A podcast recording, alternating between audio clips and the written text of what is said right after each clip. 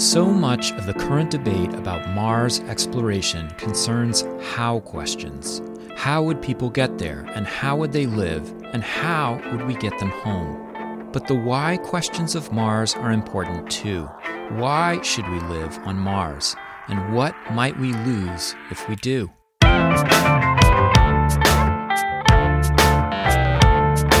It's time to eat the dogs. I'm Michael Robinson. Today, Lucienne Walkowicz talks about the ethics of Mars exploration, as well as her other work on the search for extraterrestrial life in other solar systems. Walkowicz is an astronomer and TED Senior Fellow at the Adler Planetarium in Chicago. This year, she also served as the Baruch S. Blumberg NASA Library of Congress Chair in Astrobiology. Lucienne Walkowicz, thank you so much for talking with me. Oh, it's a pleasure. So, your work has focused a lot on characterizing stars in other solar systems. And it seems like you're looking specifically at stellar environments, stellar magnetism. I was wondering if you could talk about how that, how looking at that type of phenomena helps us find life in other solar systems. Sure. Um, you know, I really came to studying stars and their magnetism um, just because I was interested in the stars themselves. Um, but it was about, I would say, halfway to early on in grad school where I had the opportunity to attend the SETI workshop that was all about reevaluating uh, these little red stars, which are the most populous kind of star in the galaxy, and reevaluating whether they would be good or bad places for life. And the, the reason they'd always been dismissed, or one of the big reasons anyway, was that they had this stellar magnetism. Um, they are very faint, and so much like a you know a dying fire in your fireplace or campfire, um, you have to be very close to them as a planet to be warmed enough to even potentially have liquid water on your surface. And on the other hand, they also have these uh, huge stellar flares, which are ejections of material and uh, high energy radiation that can really be perilous for that planet or at least influence it um, on a variety of different ways. So I became interested in what these stars were doing to the planets that might be around them as a way of studying whether they might be good or bad places for life. So, you know, the funny thing about studying planets around other stars is that for the most part, the planets themselves are, are much too faint for us to see. There's yeah. a couple of uh, occasions now where we have um, what's called direct imaging, which is exactly what it sounds like, of planets around other stars. But for these little worlds, the the places that might be akin to Mars or Venus or Earth in our solar system, we really have a hard time seeing them directly. So the observations, the actual data that we have is of the stars themselves. And that's always been very intriguing to me because it means that in order to learn about the planets in one way or another, we're always studying the star. Yeah. I had a, actually a technical question. I was, I realized that a lot of the search for exoplanets has to do with um, planet, finding planets that actually transit uh, kind of in between us, where we're observing, um, or where you know our telescopes are observing, and the sun itself. Um, but there are also things like sunspots, right, which are going to be affecting the luminosity of the sun. So, like, how do astronomers make sense of all of these, you know, dips and curves, um, and identifying things as planets versus, I don't know, other other things, magnetic disturbances? Well, since stars are my uh, my original love, I'm very fond of pointing out to people in talks that those little shadows that you're referring to, those transits of the exoplanet passing between us and its parent star, are really a tiny amount of what is happening in the data. Most of it, most of the data that we see is influenced not by those transits that happen over the course of a couple of hours, but the magnetism of the star itself, if it's a star that's similar to our sun or lower mass stars where there is magnetism, those signatures of the star spots rotating into and out of view as the star spins on its axis like a top um, are really the thing that dominates what we see. And so, huh. you know, the nice thing um, in that regard is that stars tend to spin at longer time scales, anywhere from days at the shortest to uh, even up to months for older more slowly rotating stars. So the timescales that we see those effects and that of the transits of the exoplanets are actually very different. And the, the signals look different uh, as well. So the complicating thing is that when we go to look for these transiting exoplanets, um, we're really looking for it to block some of the light from that star, um, right, and cast that shadow.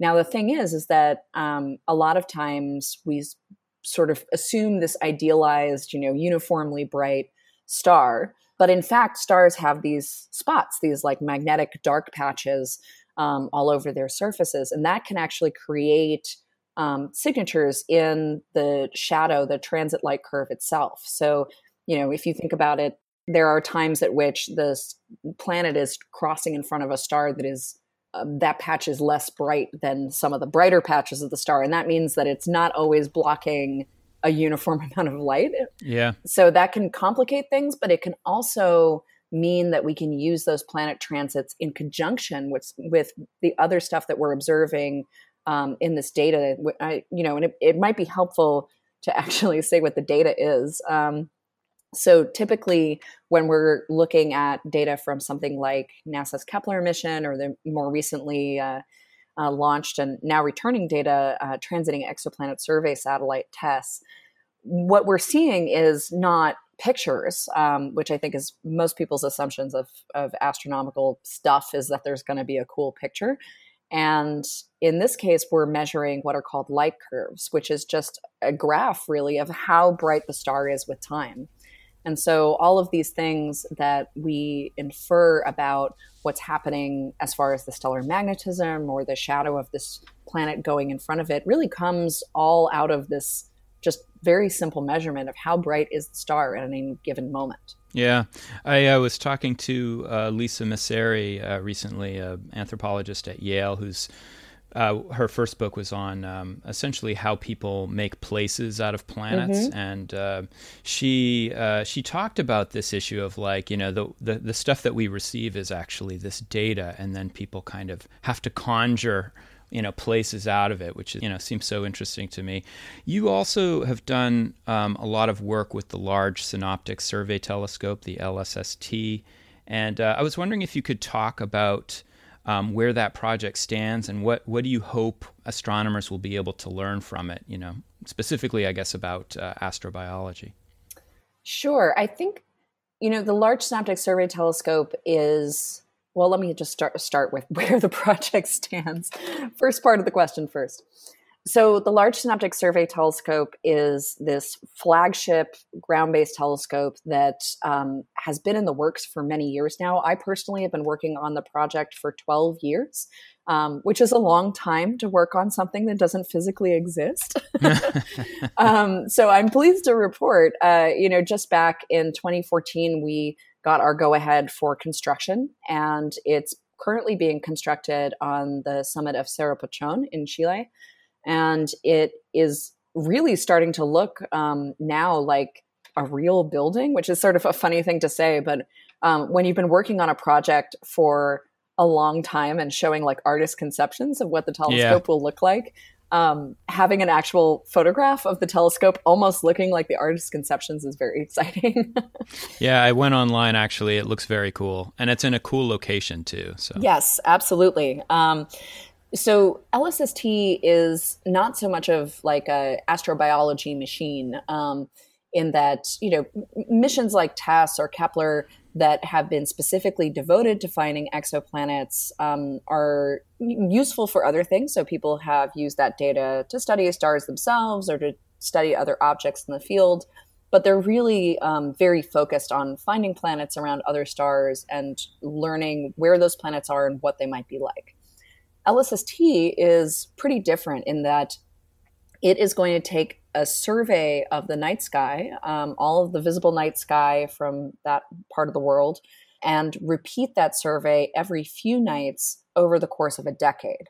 So, one of the reasons that the LSST is so important is that rather than being hyper focused on a specific science question, it's incredibly useful for everybody who is interested in answering a wide variety of science questions. Yeah. So it will not only study things that are close to us within our own solar system, like comets and asteroids, these small bodies that are um, essentially the leftover rubble from the formation of our own solar system, but it will study uh, these stars of our own galaxy.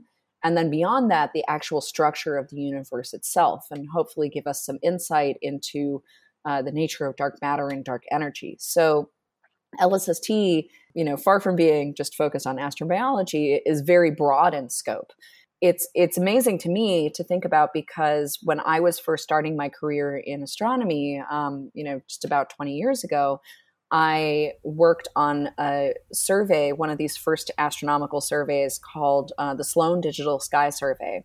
And that was this huge project to do a single image of the entire night sky.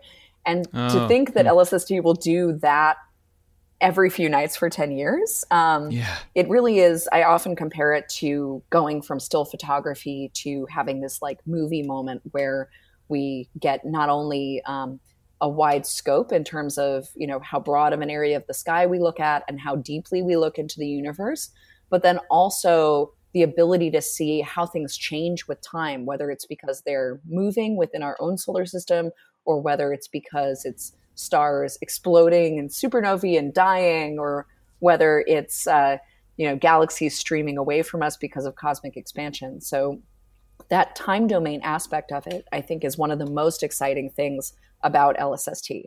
Now, having said that, it will also find planets and environments that are not necessarily places um, that somewhere like TESS or uh, Kepler would have looked, like around young stars. So it also does feed into that mission to find planets um, wherever they may be and to study them in a variety of different environments. But it's much broader than astrobiology alone. Do you think, you know, getting back to the astrobiology question, um, I mean, it must be quite difficult, or at least there must be many debates among astrobiologists about how to approach uh, this question of trying to find something that you really don't know how to characterize. I mean, I guess we have a data set of one when it comes to to mm-hmm. life, and um, and you know, when I hear people talk about the search for life, what I hear them talking about is a kind of model modeling from our own, you know, the conditions of our own solar system. Uh, we're looking for the Goldilocks planet that exists between this range and that range, or uh, within a certain temperature range, or that sort of thing, and I was wondering if there are other approaches that astrobiologists think about um, when they when they come to this question. You know, or what would life look like if it were not like the life that we know? I don't know whether it was maybe silicon-based life versus carbon-based life, or or something else. I mean, are there different approaches that people take, or does, has everyone kind of agreed that this is the way we should look for it? You know, I think one of the things that is so interesting about astrobiology is how incredibly broad and multidisciplinary it is. So, you know, you you do reference this like Goldilocks zone of having to have, you know, just the right amount of light from your parent star to be not too hot, not too cold. And, you know, certainly there's a lot about um, looking for what we call biosignatures or atmospheric signs of life. So, not just, you know, whether a planet has oxygen, but its specific balance of the different atoms and molecules, the chemical species that are in the atmosphere that can tell us a little bit about whether life might be influencing that planet's atmosphere. A lot of that is very tied to what we know life has done here throughout the history of um, the the Earth. So it is true that there are certain things, especially in like the pop presentation of astrobiology and the search for planets around other stars, that are very simplistic. Like, oh, it has to be the size of Earth, or oh, it has to be exactly the right distance. But in fact, astrobiology is is much more nuanced than that. And specifically, one of the things that I find interesting from the exoplanet side is that there are these very large scale um, modeling efforts where we use computers essentially to try and dream up different planets, um, to put in everything we know, not only about existing planetary systems, but about planetary systems that might be out there, and to understand what it would look like if that world did, in fact, have life, or if it for example, could create signatures that we might mistake as being due to life, but in fact were abiotically created in, in some way or another. So there's that side of it.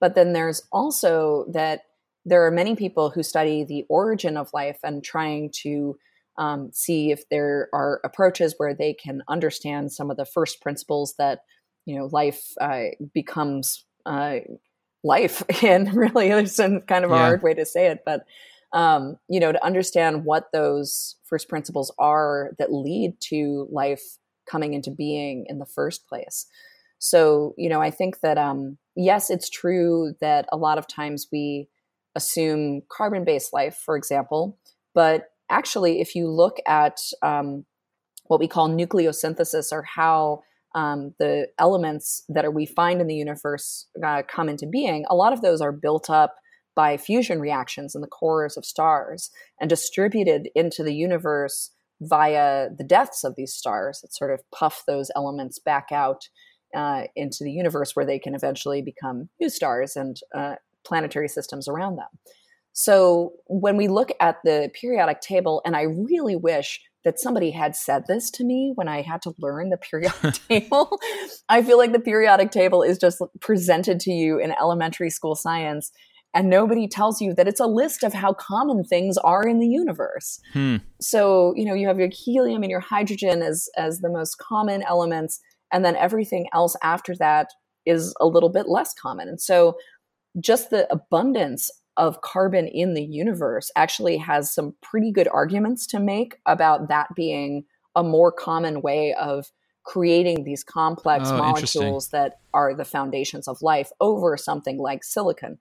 Yes, maybe you can do it with silicon, but you have a lot more carbon to work with. Yeah. Oh, that's so interesting. Yeah, I hadn't thought about relative abundance. That's that's interesting. Um, you know, uh, you, one of the things that you also uh, write about um, is the ethics of Mars exploration. And uh, you even organized a symposium recently at the Library of Congress around this subject called uh, titled Decolonizing Mars. I was wondering if you could talk about the ethical questions you think we need to be asking about exploring Mars. Sure. Um, I'll actually uh, point out that um, this past year, I was able to organize two meetings at the Library of Congress. So the first of these was an unconference format, um, which means essentially an, a conference that is convened and then collectively organized. Uh, so we build up the agenda together at the beginning of the conference. That was over two days in June.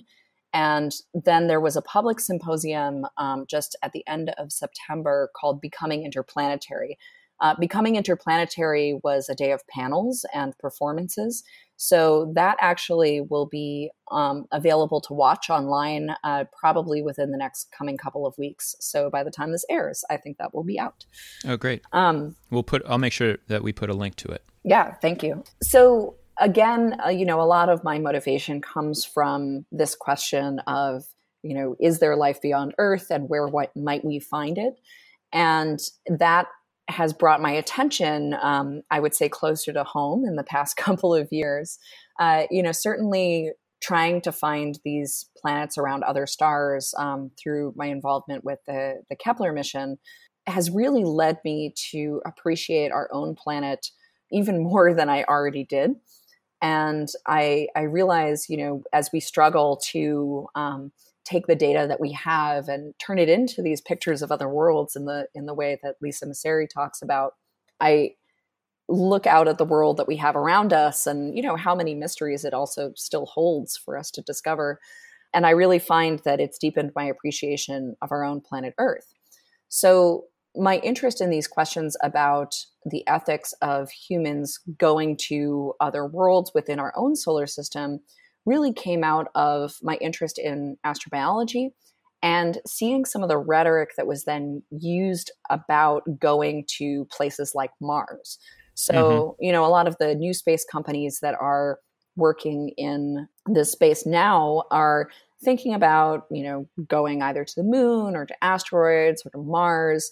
And unlike a lot of previous uh, aerospace contractors, they have really big marketing departments. Um, And you know, while the the primary motivation might be to find a workable business model, you know, for example, making cheaper rockets so that you can work with NASA to send people to space or cargo to space or satellites to space, whatever it happens to be.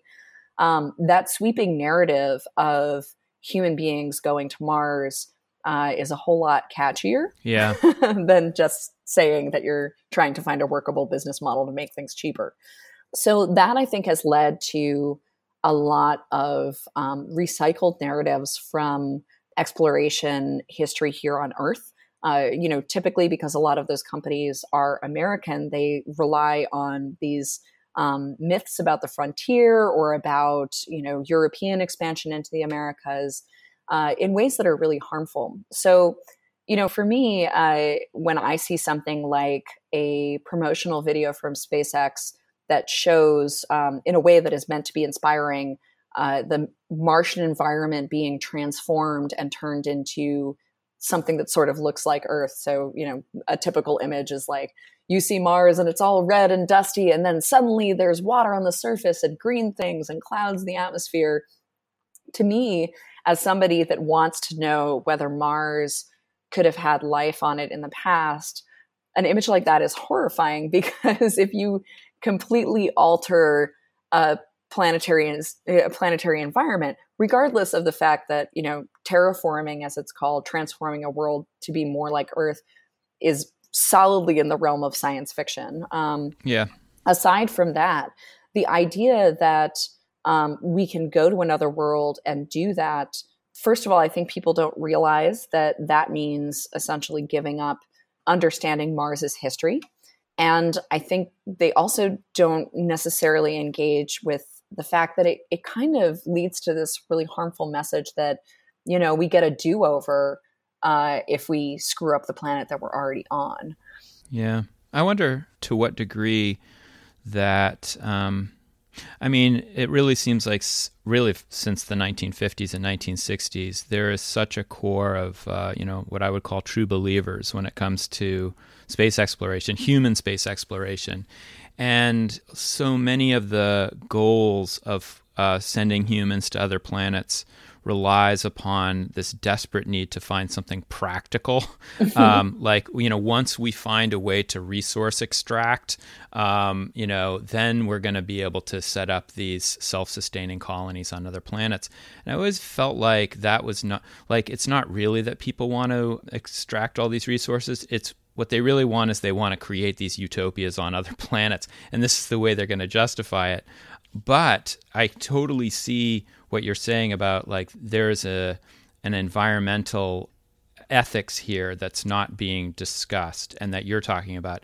I was wondering if you, when I heard about the, the your interest in ethics, what I what came to my mind is that oh, I wonder if you're going to be talking about, for example, who do we send to Mars, or where does the money that uh, we're pouring into sending humans to Mars is going instead of, let's say, in programs back here on earth. I was wondering if you have you know interest in those ethical questions or is it primarily like an environmental issue for you?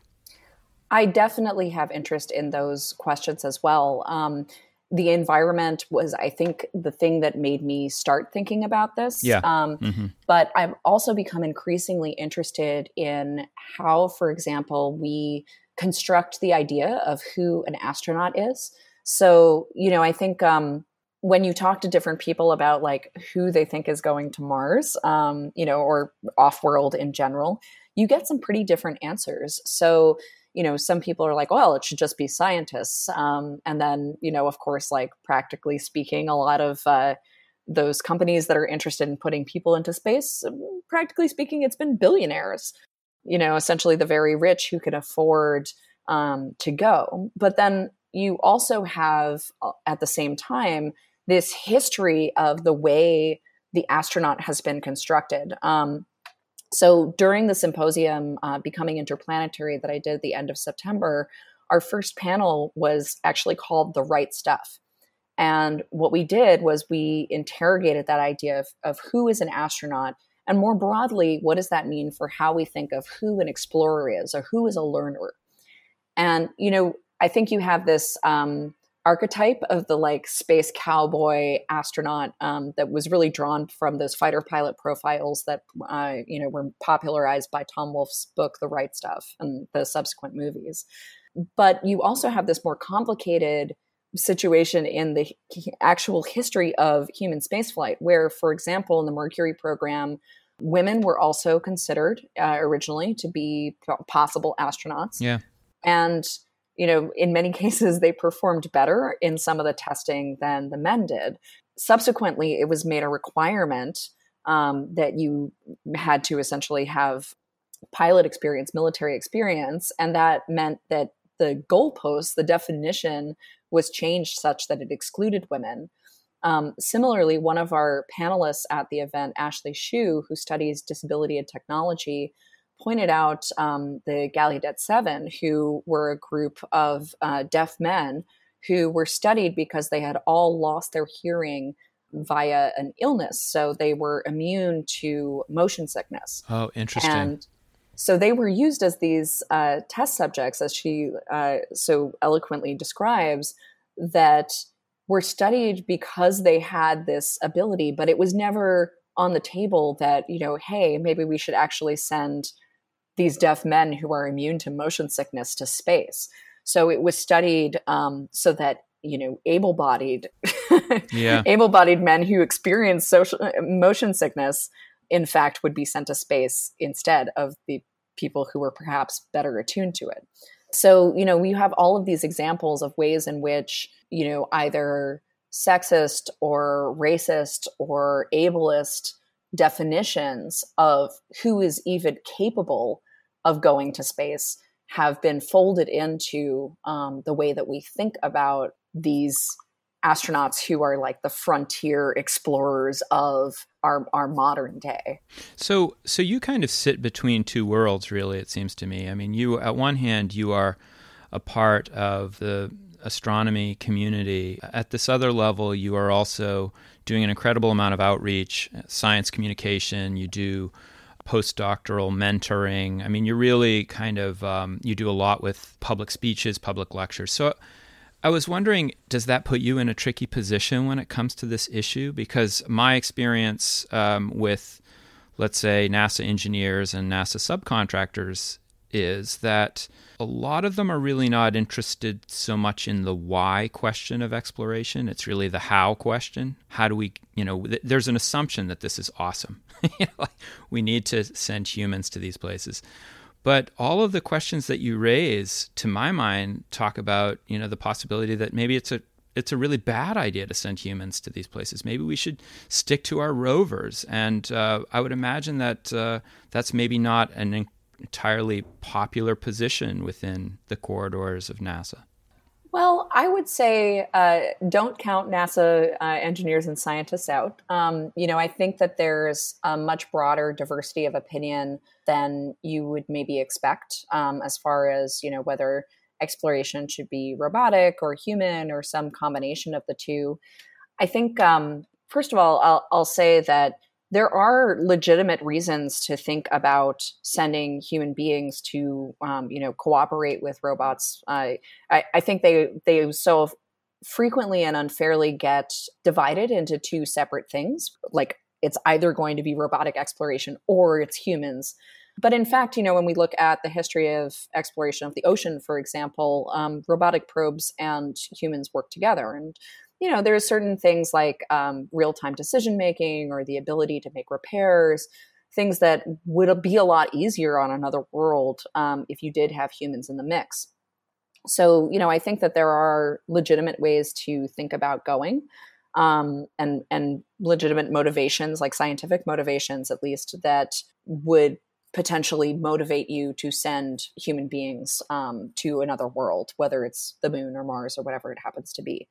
You know, I think that, at least as far as I know, I don't think that me raising these questions is actually, you know, all that unpopular. Um, you know, I think that a lot of times um, people are very motivated to deal with the how and to think about, um, you know, it just as a, being a practical problem, an engineering challenge. But one of the things that I, I would say characterizes a lot of my work, whether it's, you know, talking about ethics or whether it's you know actually like teaching students how to do things technically speaking. So i, I run a data science school for example is that i always try to convey um, to anyone i'm communicating with that the knowledge that we have and the ways in which we use and employ technology are never separated from their cultural context. And to say that it is is is just i mean it's pretending yeah. you can't look at an engineer corps that is like predominantly white and male and say that like it is just totally separated from the larger uh, context of like social injustice that exists out there in the world so you know when we do something whether it's building a rocket or employing an algorithm or even building the algorithm to begin with i think it's important for the practitioners of technology those builders to, first of all, be more inclusive than they currently are. And also for those who are already there to consider the implications and the larger cultural and social context of their actions. I think that's a hmm. responsibility yeah. that we have um, as scientists and engineers.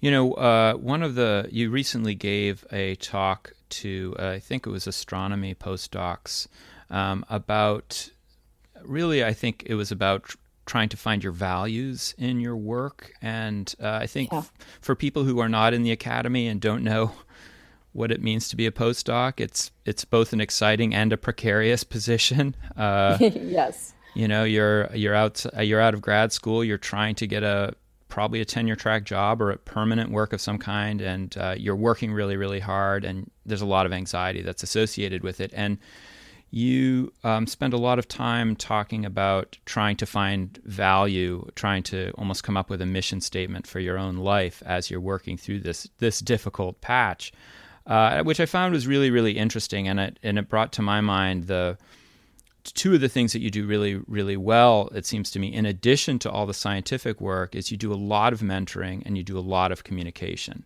and I was wondering if you think that that kind of work is being valued more um, within the disciplines, you know, within astronomy or within NASA than it has been before? Or do you feel like this is a constant fight to get people to uh, to see the value in this kind of work?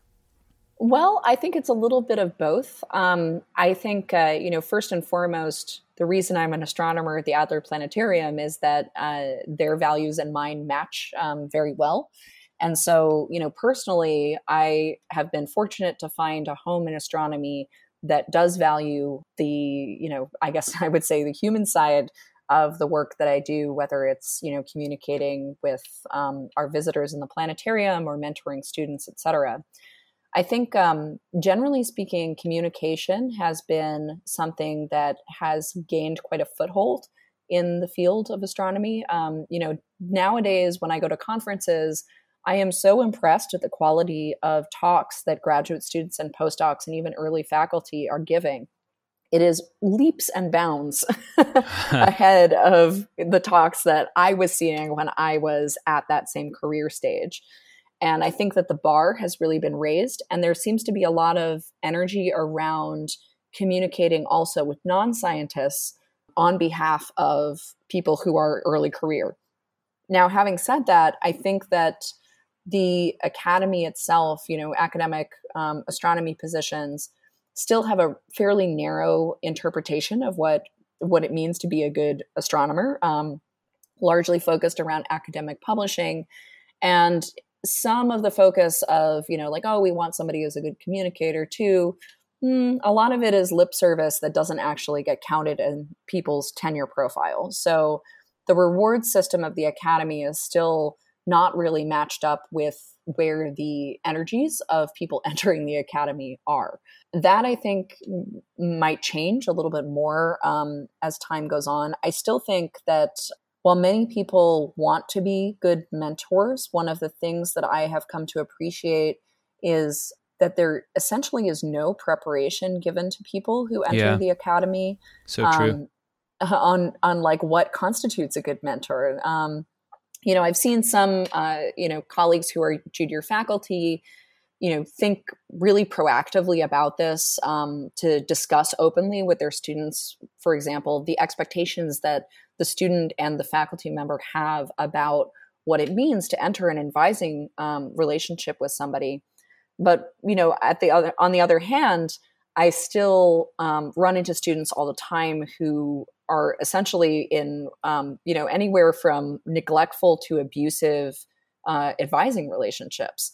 And you know not only does the faculty member in question not have the skills to help educate the student um, but the student doesn't even have the skills or, or i should say the support to extricate themselves from the situation or even understand that the situation is not normal you know students going into grad school don't have any experience being in grad school you know and the advising relationship is is a pretty special one and i think um, something that i don't think is appreciated by a lot of people um, who aren't in academia is how long in duration yeah.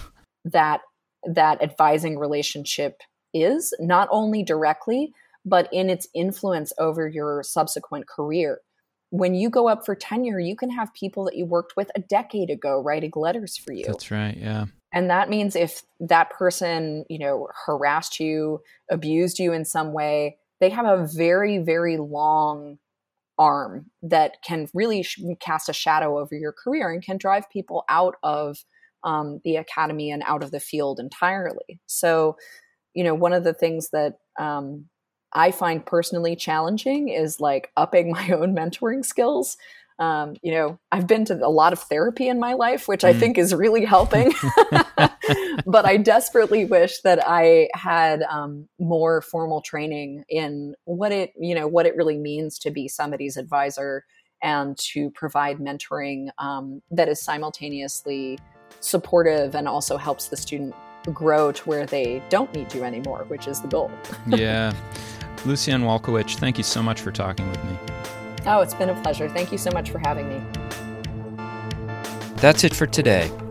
The music was composed by Zabrat. Make sure you check out the Time to Eat the Dog's website for podcast links and other exploration related stuff. And if you get the chance, please take a minute to rate and review the show wherever you get your podcasts. It really helps make the show visible to new listeners. And if you want to recommend a guest or make a comment, feel free to contact me at time to eat the dogs, that's one word, lowercase, at gmail.com. See you next week.